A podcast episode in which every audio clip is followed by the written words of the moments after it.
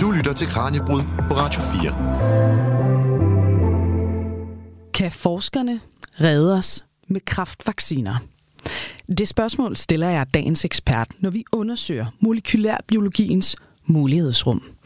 Vi ser på nogle af de mest afgørende opdagelser indtil nu, og ikke mindst, hvor hurtigt det her forskningsfelt det udvikler sig. For med eksempelvis kraftvacciner, men også AI-diagnostik, immunoterapi og andre behandlinger, som vi forsker i lige nu, bliver det måske så en dag muligt at leve i en tid, hvor kraft ikke længere er den helt store dræber. Og i så fald, hvor lang tid går der? Bliver det her en realitet for kommende generationer, eller måske allerede for os nulevende danskere? Det søger vi altså smart på nu, hvor vi dykker ned i vores cellers mikroskopiske og uendeligt fascinerende verden. Velkommen her til dagens Kranjebrud. Du lytter til Radio 4. Og også velkommen til vores gæst og guide på vores opdagelsesrejse igennem det her forskningsfelt i dag, det er Lotte Bjerbæk, der er lektor ved Institut for Molekylær Biologi og Genetik på Aarhus Universitet. Velkommen til. Tak skal du have.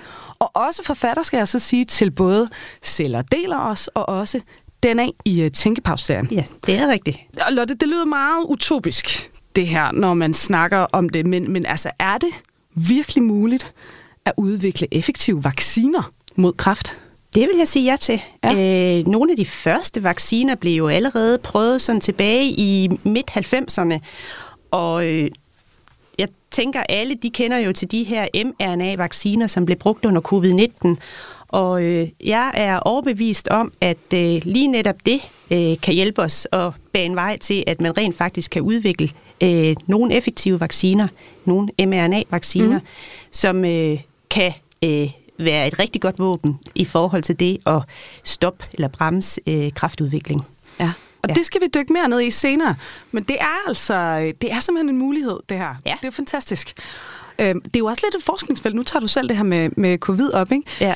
Der er lige pludselig en øh, dansk befolkning, en verdensbefolkning sådan set, Mhm. der på en eller anden måde har fået lidt indsigt i nogle Ja. af jeres øh, ting nede i værktøjskassen. Ja, lige præcis.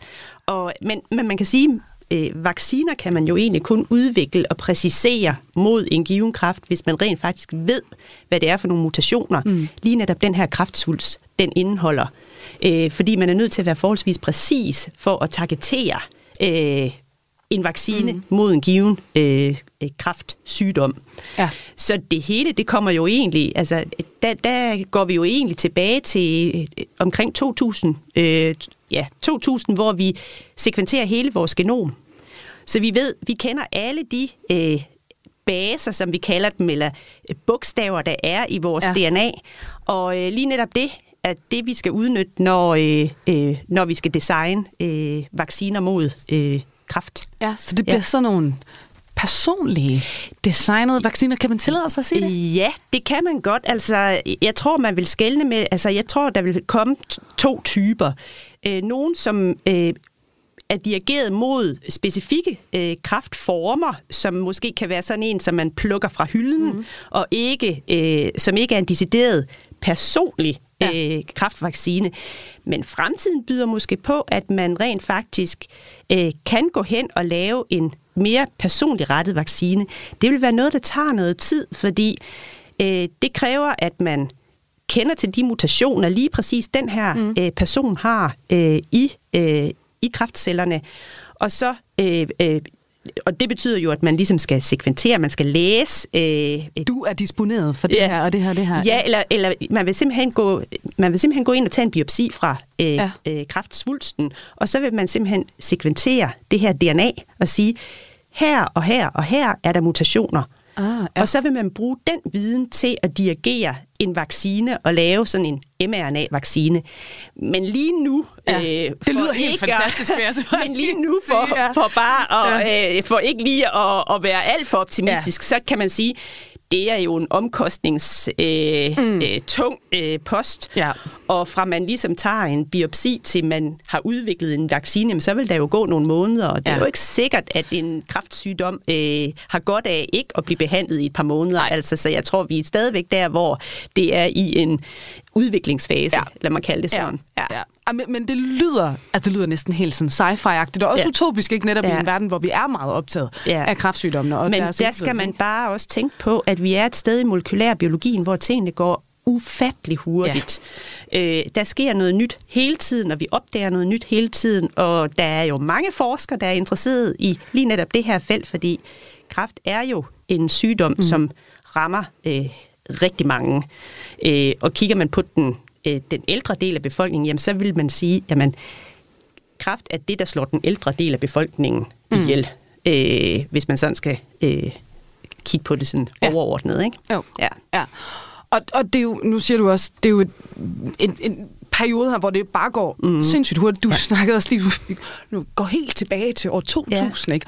Men det er jo faktisk enormt mange år inden for netop molekylærbiologien, ikke? Altså, Jo. der, er, der er bare få år jo lige pludselig noget, hvor der kan blive taget et kvantespring, ikke? Jo, absolut. Ja. Ja. Altså, øh, man kan sige, øh, i 2000, da vi fik... Øh, da vi fik sekventeret det humane genom, det tog jo omkring 13 år. Ja. Ja. I dag, der kan vi sekventere det på nogle få dage. Mm. Så det siger jo rigtig, Ja. rigtig meget, hvad der er sket på 20 år, ikke? Øh, i forhold til teknologien. Og det er jo teknologien, vi udnytter i, i molekylærbiologien, mm. øh, og der gør, at vi kan gøre ting så meget hurtigere Ja. i dag, end vi kunne for øh, bare 20 år ja. siden. Ja. Ja, og det er altså øh, det her mulighedsrum, vi skal på opdagelse i her i, i løbet af programmet.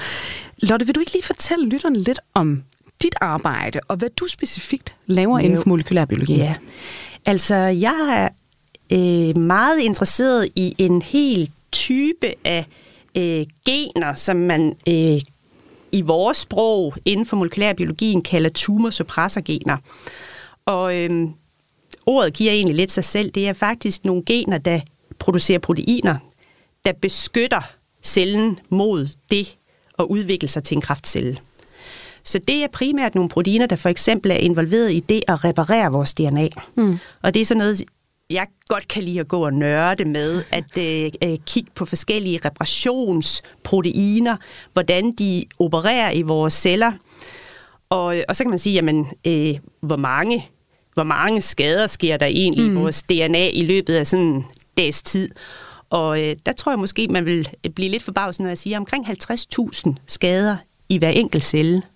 I hver enkelt I hver celle. enkelt celle, ja. Det, det synes jeg lyder ret skræmmende faktisk, Ja. når du siger det. det, det kan jeg godt Der er for noget, der går galt. Det, det begynder lige pludselig at... Men det går jo faktisk ikke særlig tit galt. Ej. Og, og lige netop derfor er det jo simpelthen så vigtigt og enormt spændende at dykke ned i, hvor dygtig cellen den er Ja. ja. til at få repareret de her skader. Jeg trækker lige vejret igen. ja, på, på, på rigtig vis, ikke? Mm. Øh, fordi, altså, øh, jeg tror, at de fleste øh, lyttere, de er nok godt klar over, at hvis man skal udvikle kraft, jamen så, så er det jo fordi, der sker nogle mutationer. Der sker nogle ændringer i vores DNA, som er uheldige mm. i forhold til cellen. Man kan sådan måske overordnet sige, at kraft det er en sygdom i det, i celledelingen. Ja. At celledelingen går simpelthen for hurtigt. Ja. Øh, den er kommet ud af kontrol. Og, øh, og jeg kigger på nogle af de øh, faktorer, som sikrer, at celledelingen ikke øh, kommer ud af kontrol, mm. hvis man sådan overordnet skal Ja. øh, se på det. Ja. Ja.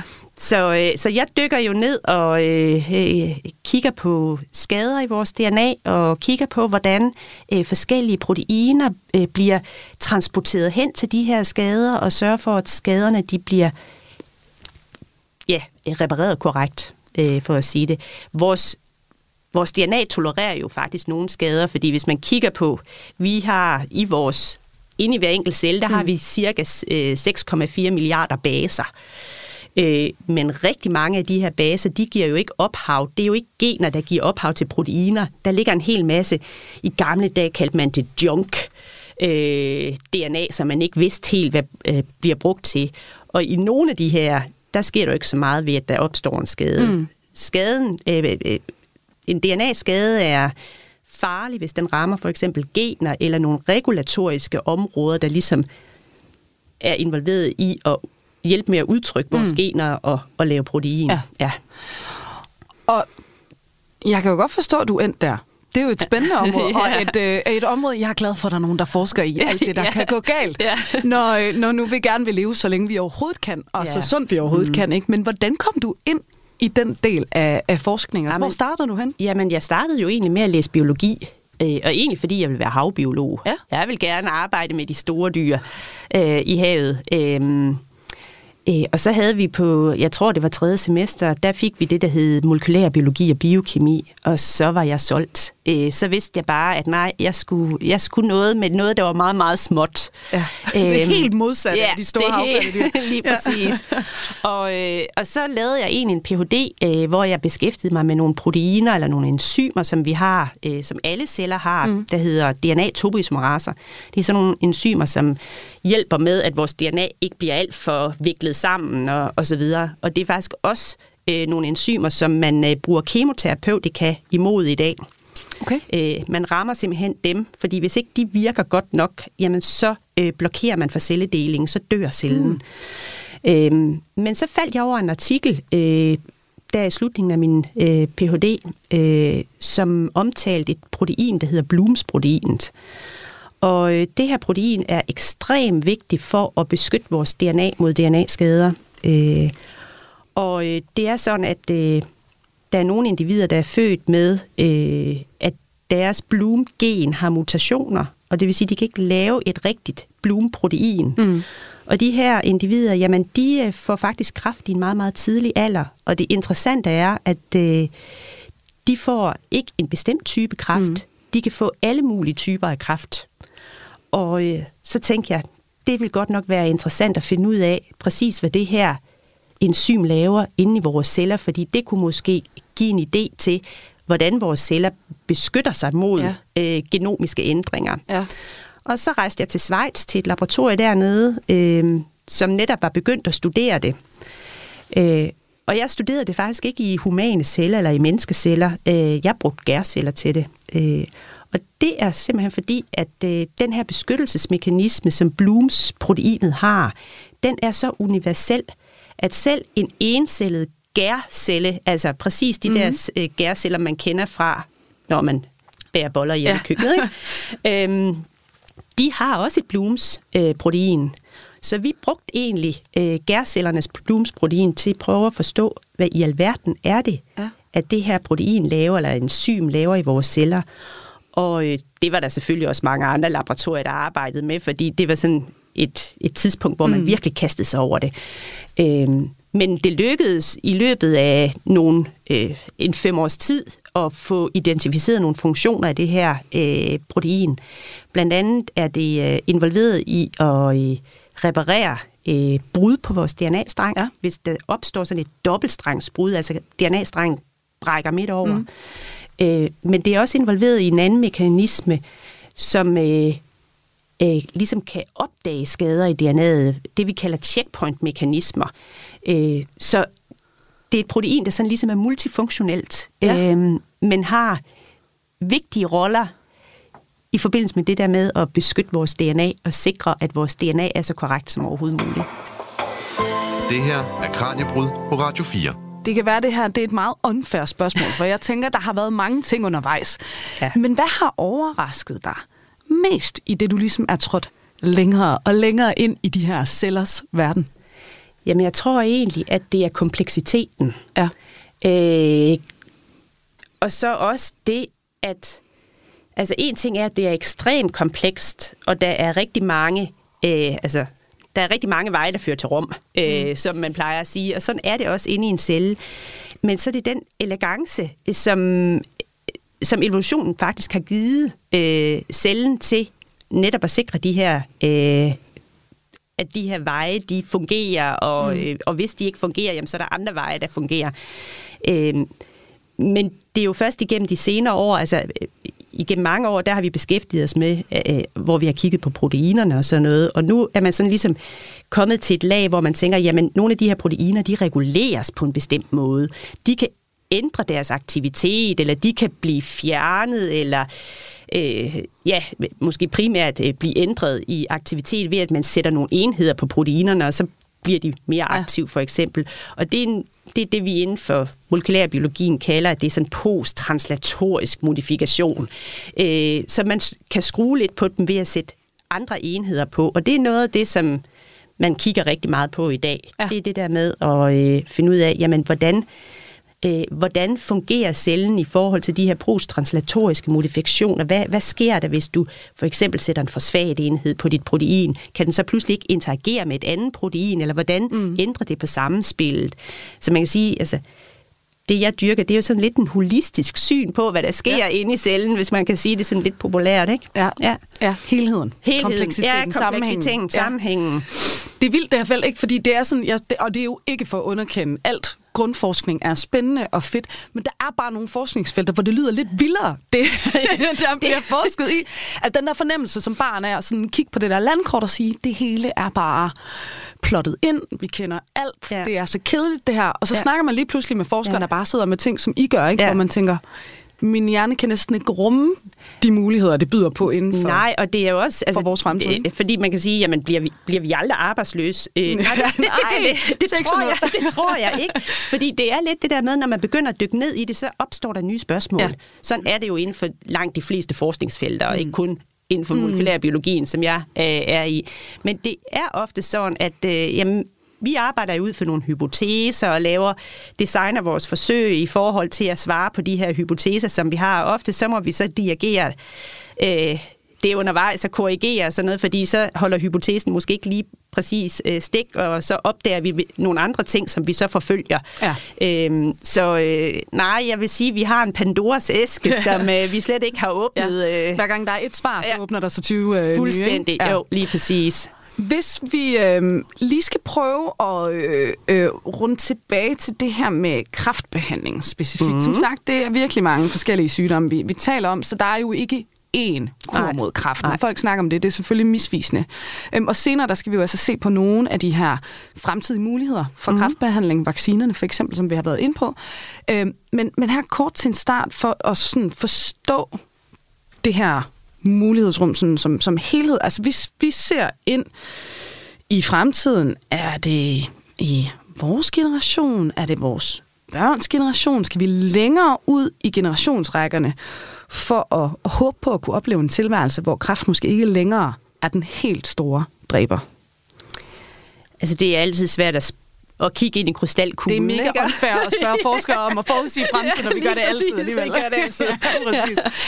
Men altså, jeg er overbevist om, at øh, vi kigger ind i nogle muligheder, der ser anderledes ud i den næste generation. Mm. Øh, og det har jo noget at gøre med, øh, ikke kun i behandling, men måske også øh, i det at diagnostisere og øh, øh, øh, screene, øh, at, at der vil være nogle andre muligheder der, øh, blandt andet for eksempel med, med blodprøver. Ja. Øh, jeg ved, at der har været studier i USA, hvor man rent faktisk har øh, kunne detektere øh, op til 18 forskellige typer af kræft allerede i stadie 1 via en blodprøve.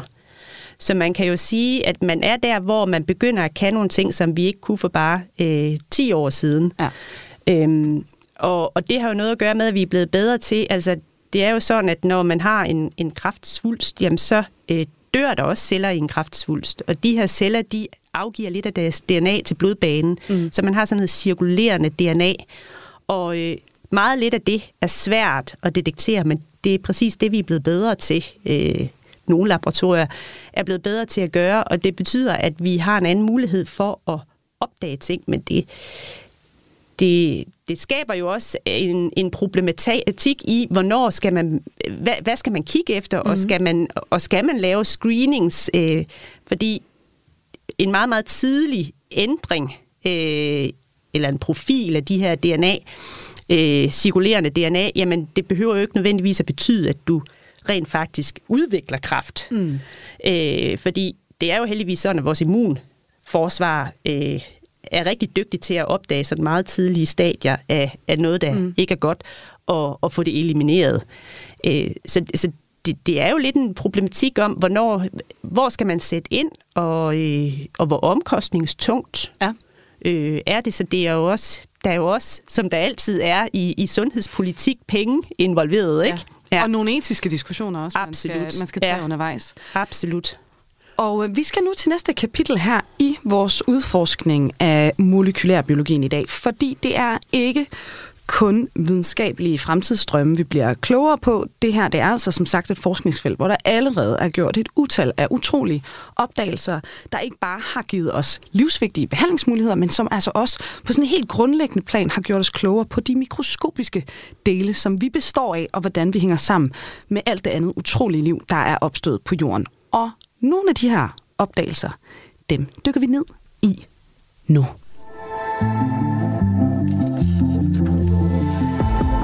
Du lytter til Kranjebrud på Radio 4. Og vi har i dag besøg af Lotte Bjergbæk, der er lektor ved Institut for Molekylær Biologi og Genetik på Aarhus Universitet. Og jeg stillede dig en lidt svær opgave, Lotte. Vi skal i studiet. Du har lovet at, øh, at finde tre opdagelser inden for dit forskningsfelt, ja. som øh, vi skal dykke ned i nu. Ja. Hvad skal vi starte med? Jamen, øh, vi skal starte med onkogenerne.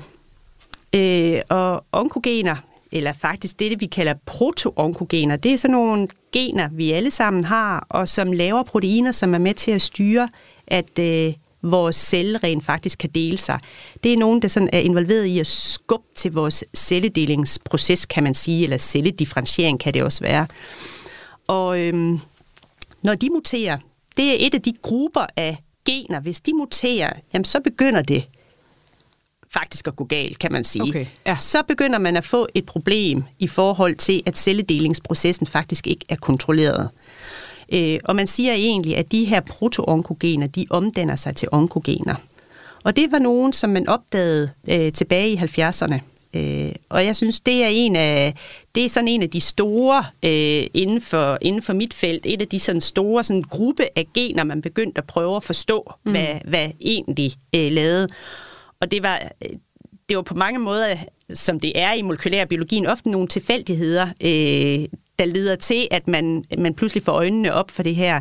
For det var nogle forskere, som øh, rent faktisk kunne se, at øh, de kiggede på øh, en bestemt type kraft, som øh, høns får. Ja.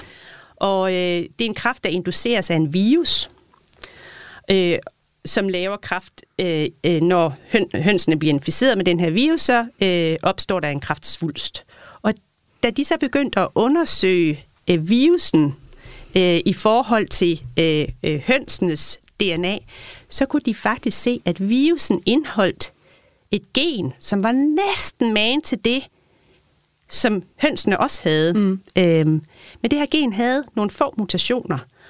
Og deres idé var så, og det viste sig faktisk at være rigtigt, øh, at det her virus for mange, mange, mange, mange år siden, havde de sådan ligesom fået kidnappet gen fra hønsegenomet okay. og sat ind i sit eget genom, og der havde det ændret sig. Og nu lavede det så ravage, når det så kom ind i hønsegenom, fordi det gen, der er i hønsene, det er et onkogen. Men det, øh, der er i viruset, det er et proto-onkogen. Så det gør, at når det udtrykkes ind i hønsene, så kommer cellen ud af kontrol. Fordi den simpelthen skubber meget hurtigere til en celledelingsproces, end hønsens normale onkogen gør. Ja. Og det var, den, det var en af de første opdagelser af det her med, at vi har øh, proto-onkogener, som når de muteres, kan blive til onkogener. Ja. Og ofte så er det sådan, at øh, et onkogen, øh, der skal man egentlig bare have... Muta- altså, vi, vi er jo alle sammen... Vores celler indeholder DNA både fra vores far og vores mor, så vi har ligesom to genomer, kan vi mm. kalde det. Øh, så vi har dobbelt op af det hele. Og øh, sker der mutation i et gen mm. fra, øh, lad os sige, det vi har fået fra moren, øh, i et onkogen, så er det nok til at lave ravage. Der skal bare et mutation, fordi det er ofte mutationer, der gør, at de her proteiner bliver meget mere aktive. Okay, så der kan vi ikke foranlede os på, Jamen, så får vi nok så, så får vi det. Nej, lige præcis. Ja. Øhm, så, så jeg synes lige netop det her, det var sådan et af gennembrudene inden for, øh, inden for øh, kraft og celledeling øh, der i 70'erne. Ja. Det lyder også helt vildt. Det er også meget i forhold til det her, du sagde med at se det hele som en ja. stor samlet lige, øh, helhed, ikke? Lige Hvor der kan påvirke ja. hinanden. Det, ja. det sætter det jo også virkelig ja. på spidsen. Hvad er så opdagelse nummer to? Jamen, det er jo så de tumorsupressorgener, som jeg er så interesseret i. Ja. Øh, og der gik jo noget længere tid, før at øh, de kom på banen, fordi da først onkogenerne ligesom var blevet opdaget, så var det jo det, forskerne kastede sig over. Og så, øh, så er vi sådan set øh, noget længere op i tiden, før sådan det første tumorsuppressorgen det bliver øh, identificeret, og det er retinoblastom-proteinet. Og øh, det er egentlig en, øh, en læge i USA, Alfred Knudsen. Øh, han arbejder med nogle, øh, en kræftsygdom i øjnene på, øh, på børn. Mm. Og det han kunne se, det var, at øh, der var en arvelig form for den her kræft øh, i øjet. Øh. Og de her børn, de fik ofte, dem der bar den arvelige form, de fik kraft meget tidligere og havde ofte kraft i begge øjne. Hvorimod børn, der ikke havde den arvelige form, de, øh, øh, de fik kraft sent, og oftest kun øh, i det ene øh, øje. Så han fik egentlig den idé, at der sådan ligesom skulle to mutationer, at de her gener, der skulle begge, både dem, man havde fra sin far og den, man havde fra sin mor, skulle sådan slås ud og ikke virke korrekt, mm. før at det øh, øh, ledte til øh, kraftforekomst.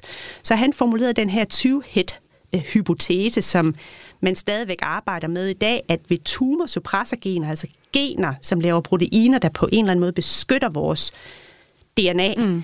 øh, de, der skal begge øh, gener slås ud. Sådan er det for eksempel også med Blooms syndromet, øh, ja. som jeg snakkede om øh, før. Øh, det er først, når begge gener er sat ud af spil, og man ikke kan lave funktionel protein, at problemet det rent faktisk opstår. Ja. Så tumorsuppressorgener, det er også, øh, og retinoplastom, øh, proteinet, som spiller en ekstrem afgørende rolle for, om cellen rent faktisk øh, ukontrolleret øh, går igennem sin cyklus. Den fungerer lidt som sådan en, ja, man kan vel sige sådan en vejbum, øh, øh, der kun åbner sig, hvis det er sådan, at alle forhold er gunstige. Mm. Øh, og når den så øh, åbner, jamen så tillader den så, at cellen går igennem det, vi kalder cellens cyklus og laver en ny celle. Og så kan man forestille sig, at det, der sker i cancerceller, det er, at bommen den står åben hele tiden. Ja. Øh, og det betyder, at den deler sig og deler sig og deler sig, også selvom at forholdene ikke er, er gunstige. Ja. ja. Det er øh, altså som humanist, så noget, man lige skal prøve at øh, øh, få hjernen til at forestille sig ja. det her. Øhm, og var, var, det, var der en tredje opdagelse? Ja, og der er vi jo stadigvæk... Øh, der er vi jo stadigvæk ved tumorsuppressorgenerne, mm. fordi jeg tror, jeg i sådan et program her bare er nødt til at nævne et protein, der hedder P53. Øh, alle sådan øh, gode navne? navne. Det lyder simpelthen det, det er så simpelthen, Ja, lige præcis. Vi er ikke altid så opfindsomme, når vi navngiver proteiner i laboratoriet. Nej. Men øhm, øh, det er et tumorsuppressorgener, der spiller en altafgørende rolle, mm. kan man sige. Det er et øh, genet, der laver P53. Det findes stort set muteret, når man kigger i alle, øh, når man undersøger alle cancer. Mm. Så den skal ligesom sættes ud af spil. Og det skal den, fordi den er... Øh, proteinet er egentlig øh, sådan en, der styrer udtrykket af andre proteiner. Øh, så den, det er det, man sådan i vores verden kalder en transkriptionsfaktor. Øh, så den sikrer, at andre proteiner bliver udtrykt. Mm. Øh, og den har det, at den øh, udtrykker proteiner, der både er involveret i at reparere, den er, udtrykker eller styrer proteiner, der er involveret i det, jeg snakkede lidt om før, checkpoint, det der med at opdage, at der mm. er mm-hmm. problemer. Og så er den også involveret i at styre nogle af de her proteiner, der er involveret i at eliminere celler. Det er sådan, at celler har man kan sådan måske lidt populært sige, en selvmordsknap. Hvis yeah. tingene ligesom går galt, så kan de trykke, og man ikke, hvis man for eksempel har, eller cellen har alt for mange skader, jamen, øh, øh, og den så ligesom tænker, det gør celler ikke, men øh, øh, den kan simpelthen ikke få repareret de her skader, ja. så kan den gå hen og trykke på selvmordsknappen og eliminere sig selv, så den ikke deler sig med skader. Det er jo smart. Ja, det er det, vi kalder apoptosis. Og det styrer P53 også nogle af de proteiner, øh, øh, som er involveret i apoptosis. Ja. Så hvis man slår P53 ud, så er man virkelig bad off, ja. øh, som jeg vil sige. Ja, der har man mistet en nøglespiller ja, på, på det, det har man nemlig. Ja. ja. Og hvad er øh, det vigtigste nye, der er sket inden for, hvis vi nu siger for eksempel de sidste fem år, som sagt, det her, det er jo virkelig mm. et forskningsfelt, hvor det går hurtigt, ikke? Jamen, det er jo altid, altså der sker jo noget nyt hele tiden, ja. øhm, men øh, et af de ting, som er kommet frem, øh, det var faktisk sidste år, og det leder lidt tilbage til den her retinoplastomprotein, mm. som jeg snakkede om med bommen.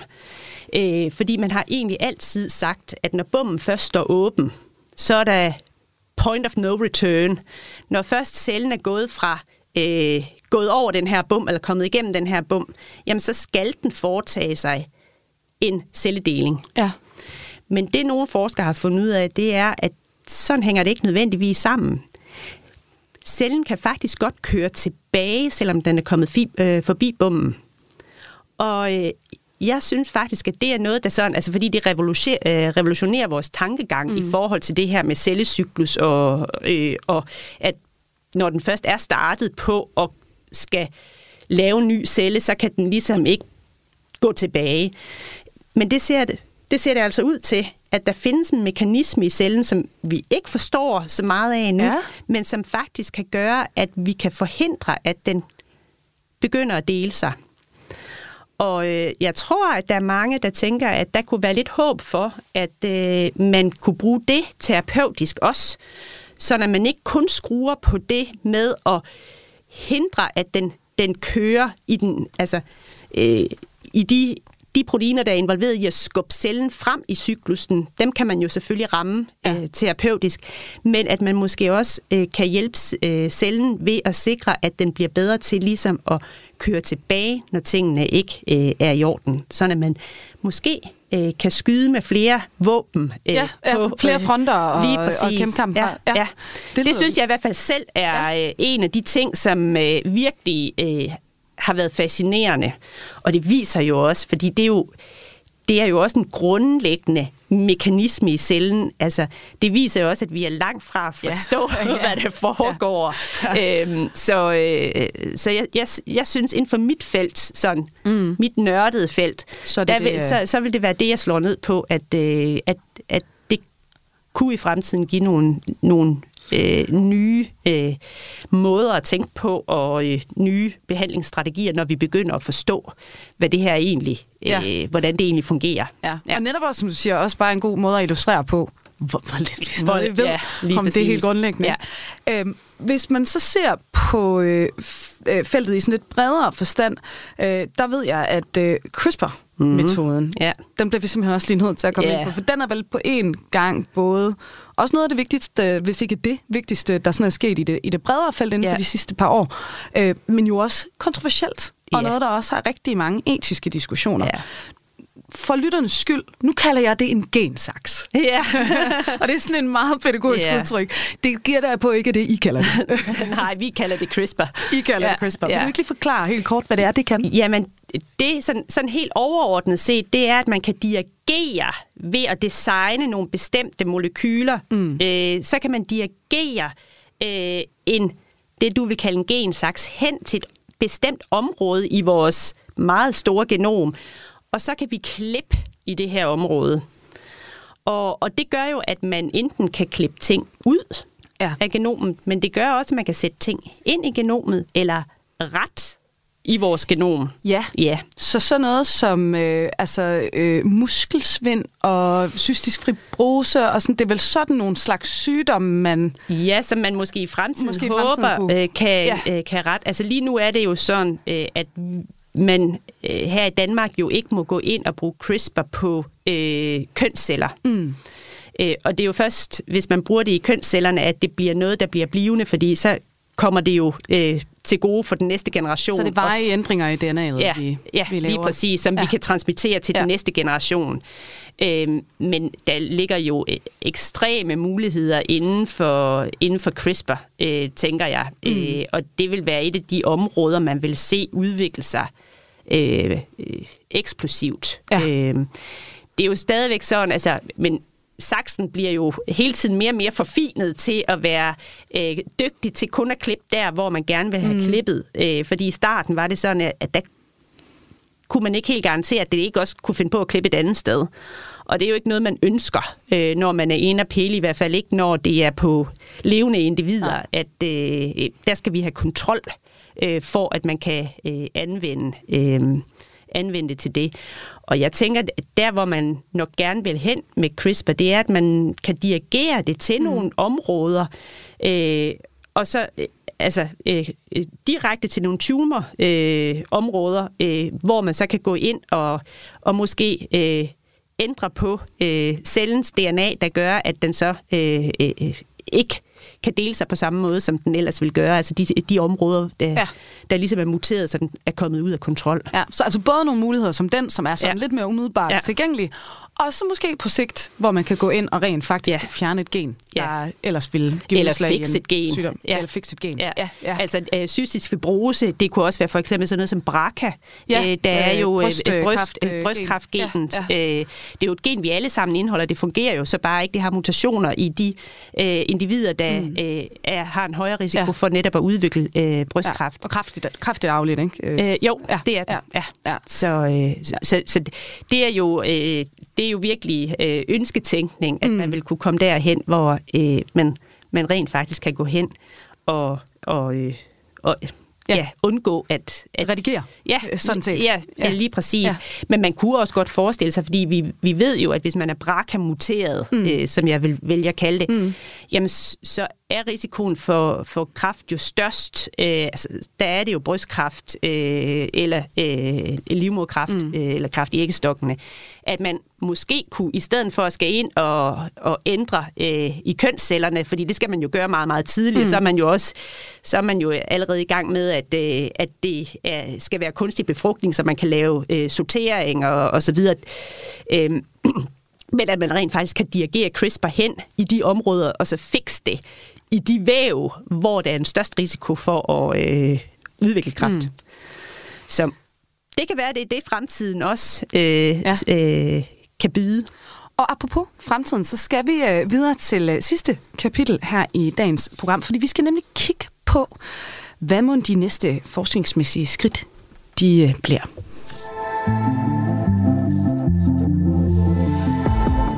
Du lytter til Kranjebrud på Radio 4. Og vi har i dag besøg af Lotte Bjergbæk, der er lektor ved Institut for Molekylærbiologi og Genetik på Aarhus Universitet, og så er hun altså også forfatter til bøgerne Celler deler os og DNA-bogen i Tænkepause-serien. Og nu skal vi øh, altså som sagt til øh, vores sidste kapitel her i vores udforskning af molekylærbiologien og øh, alle de muligheder, der følger med den. Og øh, det er tid til at se endnu nærmere på, øh, hvad fremtiden forhåbentlig kan, kan bringe. Lotte, lad os lige starte med det, vi ikke ved. Vi har været inde på, på det her med, der er jo simpelthen grundlæggende mekanismer inde i cellerne. Ja. Vi sad ikke har nogen idé om, ja. hvordan det fungerer. Ja. Ikke? Men hvad er, hvis vi sådan skal sige, det mørke stof i, i molekylærbiologien, altså den, den grundlæggende viden, vi sådan virkelig står og mangler at, at få svar på? Jamen, jeg, altså det, det, det er jo også et svært spørgsmål, kan man sige, men der tror jeg, jeg vil slå ned på epigenetikken. Ja.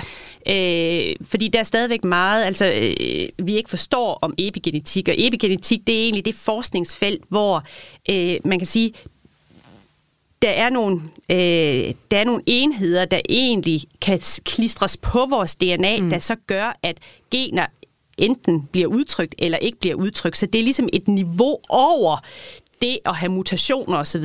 Mm. Og der ved man, at øh, for eksempel øh, kraftsvulst, der ser meget anderledes ud i deres profil af, mm. hvordan de har de her klistret øh, på. Og det betyder jo, at der er nogle gener, der bliver udtrykt, eller der er nogle gener, der ikke bliver udtrykt. Og hele det her samspil, det er i hvert fald et af de øh, områder, jeg tænker, at vi kan få meget mere viden om, mm. og, og, og måske kan udnytte øh, øh, på en helt anden måde øh, i forhold til fremtidig øh, kræftbehandling. Der findes øh, allerede nogle drugs, eller nogle stoffer, som man kan behandle med, øh, som netop øh, går ind og påvirker øh, nogle af de her proteiner og enzymer, som kan klistre de her enheder på. Og, og det helt fantastiske ved netop at bruge den her type af drugs, det er jo, at det fører ikke, øh, det fører ikke til en celledød. Øh, mm. Sådan gængse kemoterapeutiske drugs, det, det fører til en celledød. Øh, det vi kalder, eller det jeg øh, kalder apoptosis, som jeg også øh, talte om. Og det gør det, fordi at langt de fleste drug, de laver jo helt vildt mange skader i vores DNA. Ja.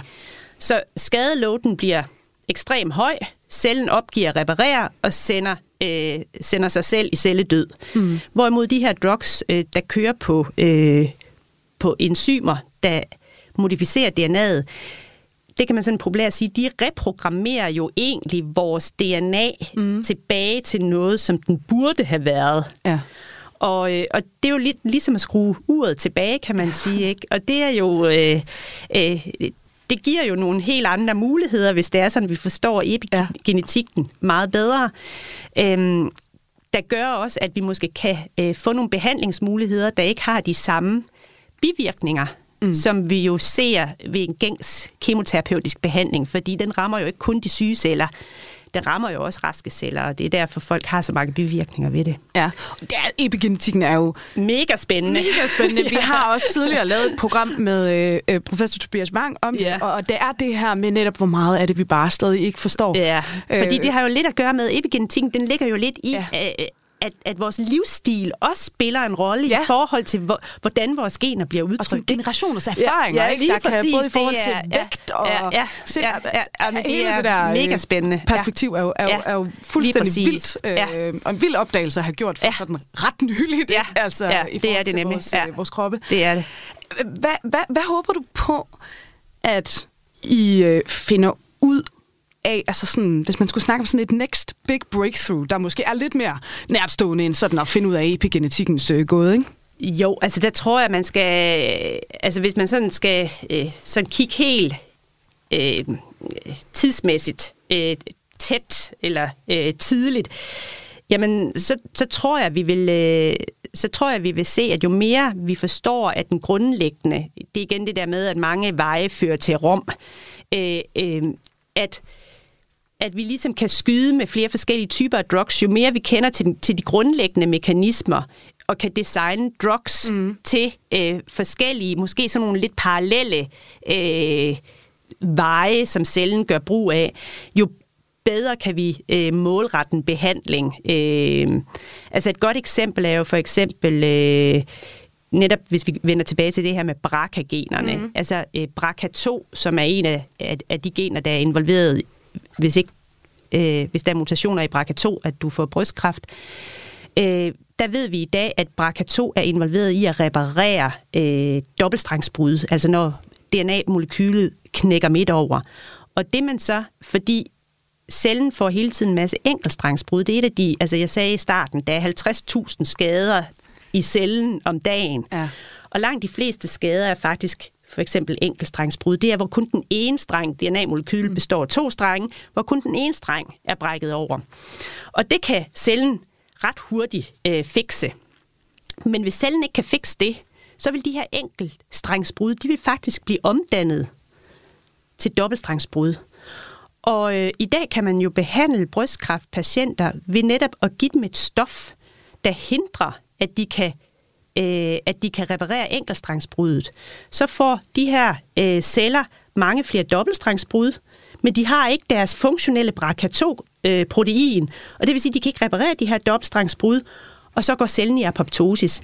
Mens alle andre celler i kroppen stadigvæk har BRCA2, mm. hvis, ikke, hvis, hvis det er en mutation, der er sket øh, i øh, brystvævet for eksempel.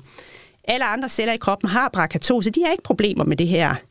Så på den måde ved at lære, hvordan reparationen sker, hvad det er for nogle proteiner, der er involveret, jamen så kan vi også målrette og designe øh, bedre behandlingsmuligheder. Ja. Og det er jo så noget, der i hvert fald ligger øh, inden for en overskuelig fremtid, ja. øh, den type. Ja. ja. Og hvad vil være din sådan øh, hellige grad, nu når vi snakker opdagelser? Øh? Øh, jamen altså, hellig grad inden for cancerbiologien eller molekylærbiologien med, med, med en cancerperspektiv, øh, Jamen, håbet øh, vil nok egentlig være, kunne man finde noget, der var en fællesnævner for alle kraftceller, øh, så vil det jo være fantastisk. Mm. Fordi så vil man forhåbentlig kunne lave et drug eller en behandling, som, som kunne bruges helt gængs. Så vil det være en kur? Ja, så vil, det, så vil det være det, man ja. kalder en kur mod kræft øh, vi har ikke det her, og øh, jeg tvivler på, vi, vi finder det. Mm. Men det ville være sådan den hellige gral ja. i... Øh, det vil være eureka ja, ja, hvor man, ja, lige hvor man lige reddet, ja. reddet det hele. Ja. Ja. Øhm, I forhold til, til kraftforskning, hvis vi nu ser sådan en, en, en 20-30 år mm. øh, frem, altså tror du, der vil være radikalt anderledes behandlingsmuligheder i det? Jamen, som vi startede ud med, hvor vi, hvor vi talte om, om vacciner, ja. så tror jeg, at det vil være sådan noget, som... Så kraftvaccinerne? Ja, kraftvaccinerne ja. tror jeg vil øh, vinde indpas, og øh, et håb er jo, at øh, jeg ved jo, at der er nogle firmaer, der i hvert fald har tjent styrtende med penge på deres covid-19-vacciner, mm. at de måske kunne kanalisere... Øh, penge øh, til yderligere forskning inden for de her mRNA-vacciner, øh, som kunne anvendes øh, øh, til kraftbehandling. Ja. Øh, Så jeg tror, at øh, det vil være noget af det, vi vil se. Øh, immunoterapi ja.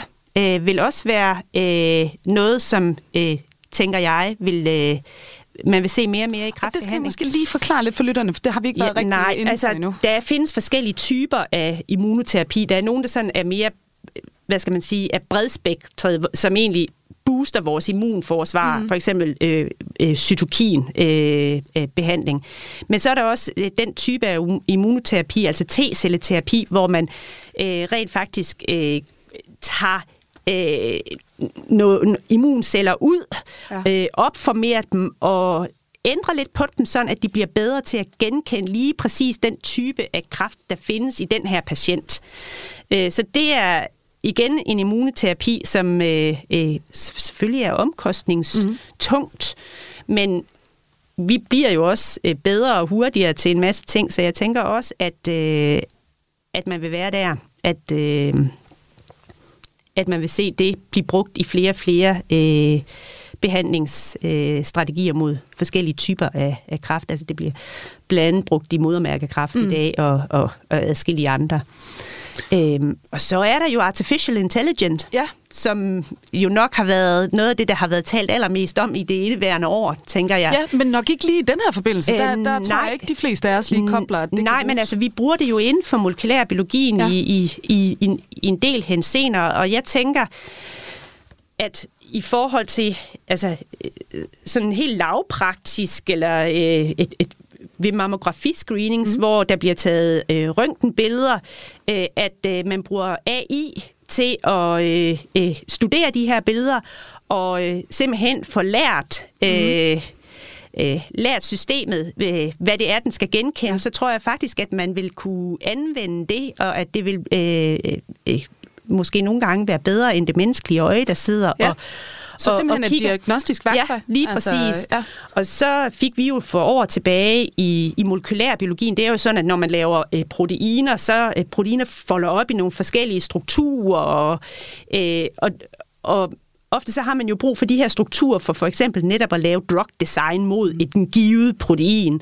Og der findes der også altså en AI-baseret øh, program, mm. som kan predikte, hvordan et protein folder op. Førhen, der vil man jo skulle ind og øh, udtrykke det her protein, lave en oprensning på, på, på, på proteinet og lave en krystal, øh, altså krystallisere den, så man finder ud af, hvordan den folder op. Men i dag har vi faktisk et program, der ret præcis kan fortælle, hvordan øh, proteinerne folder op, så man bedre kan få en idé om, hvordan man vil lave drug design og sådan noget.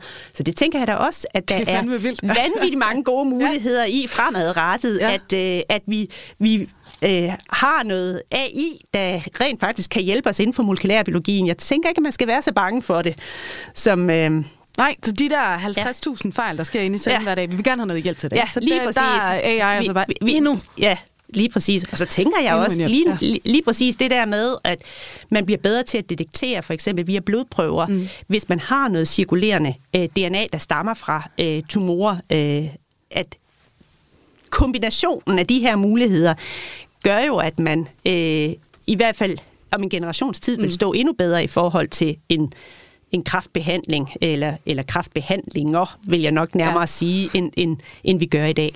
Ja. Og jeg kan mærke, at jeg kunne snakke om det her i fire timer. Jeg synes, Jamen. det er, øh, der er så meget at dykke ned i, men vi skal runde af, og øh, vi plejer at slutte med øh, dagens lektion. Så, så Lotte, hvis lytterne skal tage én ting med fra den her, den her store snak, om molekylærbiologiens mulighedsrum. Altså, hvad håber du, at de har lært?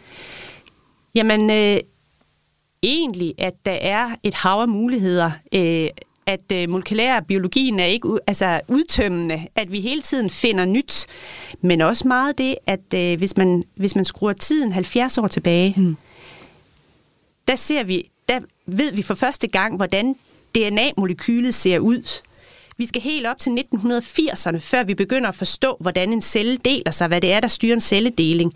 Og man kan sige, at vi er jo nået så langt på de 70 år, så jeg tør slet ikke spå om, i forhold til den teknologi, vi har i dag, hvor langt vi vil nå, hvis vi ser de næste 70 ud, øh, år ud i fremtiden. Så hvis man sådan ligesom tager de historiske briller på, øh, så tror jeg, at øh, man må sige, at der er håb for fremtiden. At vi skal nok øh, finde nye muligheder, nye behandlingsmuligheder øh, ved netop at kigge på, på nogle af cellens grundlæggende øh, mekanismer, som jo er det, jeg er ekstremt interesseret i. Ja. ja. Så i stedet for hele tiden at bede forskerne om at forudsige fremtiden. Vel, vi inviterer dig bare ind igen. Om fem år, så er der allerede sket der allerede... en milliard nye ting ja, på det her præcis. område, så vi er blevet ja. meget klogere på ja, det. lige præcis. Det, øh, det gør vi altså. Lotte Bjergvæk, lektor ved Institut for Molekylær Biologi og Genetik på Aarhus Universitet. Tusind tak, fordi du vil guide os igennem den her fuldstændig vanvittige verden, som, øh, som cellerne de jo er. Ja, men øh, det var så lidt. Og også tak til dig, der lytter med. Vi er tilbage i morgen kl. 12.10. Men indtil da, lyt med i dit Kranjebrud-arkiv. Her finder du over 1000 afsnit om alverdens videnskab. Nu er det blevet tid til nyhederne, og hermed der er der altså ikke andet tilbage end at sige farvel. Mit navn er Emma Elisabeth Holtet, og Kranjebrud er produceret af Videnslyd for Radio 4. Mirko øh, siger man gang, at Taylor Swift simpelthen ansat af The Deep State til at lave disinformation, som i sidste ende skal sørge for, at Joe Biden han bliver valgt over Trump. Er der bad blood på højrefløjen i USA, og spænder Kennedy-familiens sorte for ben for Joe Biden? Som ikke falder ned i kaninhuller på nettet. Er det Mission Impossible at sagsøge Scientology? Og er Kevin Spacey for evigt cancelled? De juridiske anklager har haft enorme professionelle konsekvenser. Er de facto blevet cancelled. Only in America Amerika er alt det, du kun finder i USA. Jeg har sagt til dig før, Frederik, at hvis man er nødt til at gå i seng, når klokken bliver mange. Lyt med i Radio 4's app, eller der, hvor du lytter til podcast.